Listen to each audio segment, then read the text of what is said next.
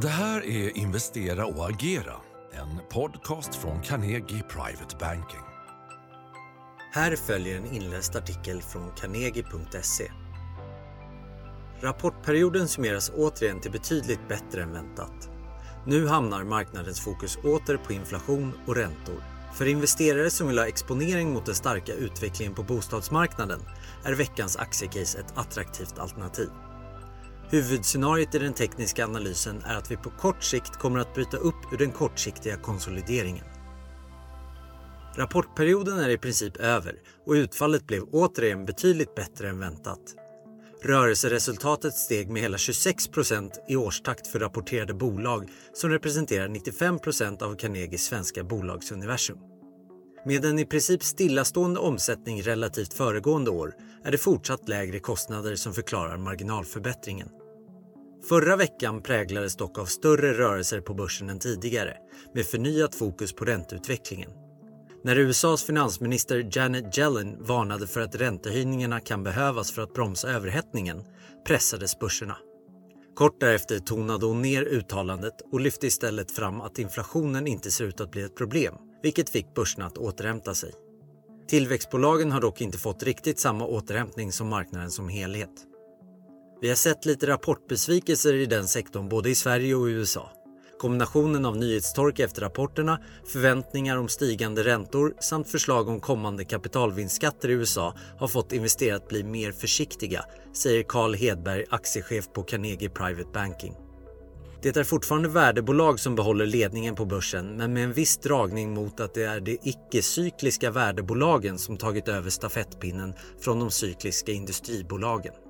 Det finns en viss osäkerhet i att kostnadsinflation och komponentbrist kan fortsätta störa bilden för vinstutvecklingen i de cykliska industribolagen. Det syns i kursutvecklingen att marknaden börjar prisa in att det problemet kan hänga kvar något längre än man först trodde, säger Carl Hedberg.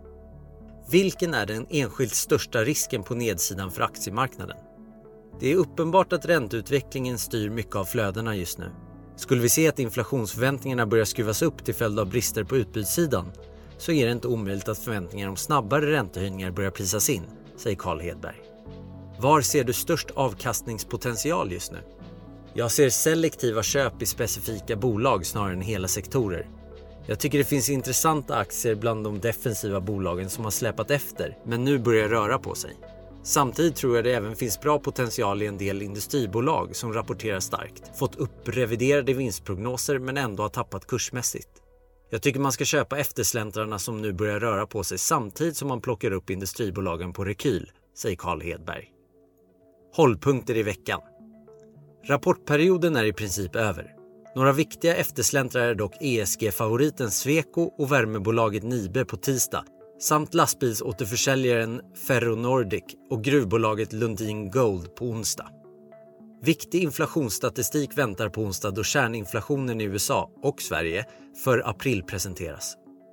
Vilka uppåtrisker finns och hur mycket högre inflation tolererar Fed innan risken ökar för räntehöjning? Hur påverkar till exempel de kraftigt stigande råvarupriserna? På fredag adderas fler viktiga mätpunkter kring konsumtionen i de amerikanska hushållen. Fortsätter den starka utvecklingen i detaljhandeln även efter utbetalningen av kontantstödet i mars till hushållen. Sentimentet över tyska investerares och analytikers förväntningar på ekonomin presenteras i tisdagens ZEW-index, den månatliga undersökningen från ZEW Center for European Economic Research. I april sjönk index relativt mars, vilket inte låg i förväntningarna. Aktiecase Bostadsutvecklaren JM upplever en stark efterfrågan med ökat antal byggstarter, vilket ger tillväxtmomentum kommande år. Bolaget erbjuder en attraktiv exponering mot den starka utvecklingen på bostadsmarknaden. Övervärdet i den stora byggrättsportföljen, totalavkastningen över tid och värderingen ger stöd åt köprekommendationen med riktkurs 360 svenska kronor. Teknisk analys OMXS30 kort slash medellång sikt. Inget nytt har skett i den tekniska analysen av OMXS30 utan index har sedan mitten på april noterats i en konsolidering mellan 2197 och 2285. Punkteras 2197 möter nästa supportområde vid runt 2150 och skulle den nivån underskridas siktar vi på runt 2050-området. Passeras istället motståndet möter nästa tekniska tak vid i runda slängar 2350-2380 i form av taket i de två uppåtgående trendkanalerna. Även om vi får utbrottet på uppsidan, vårt mest troliga scenario, befinner vi oss ändå i en period med en förhöjd risk för en rekyl. Orsaken är dels det svaga säsongsmönstret och dels att cykelanalysen visar att vi är inne i en tid där vi borde få en sättning om det tidigare mönstret ska fortsätta. Aktiecaset som nämndes är en sammanfattning av Carnegies analys som publicerades för Carnegies kunder den 28 april. Mer info om aktien finns länkat i beskrivningen till den här podden. Historik och underlag kan du få ut genom att mejla mar-information carnegie.se. Du har väl inte missat veckans aktiecase?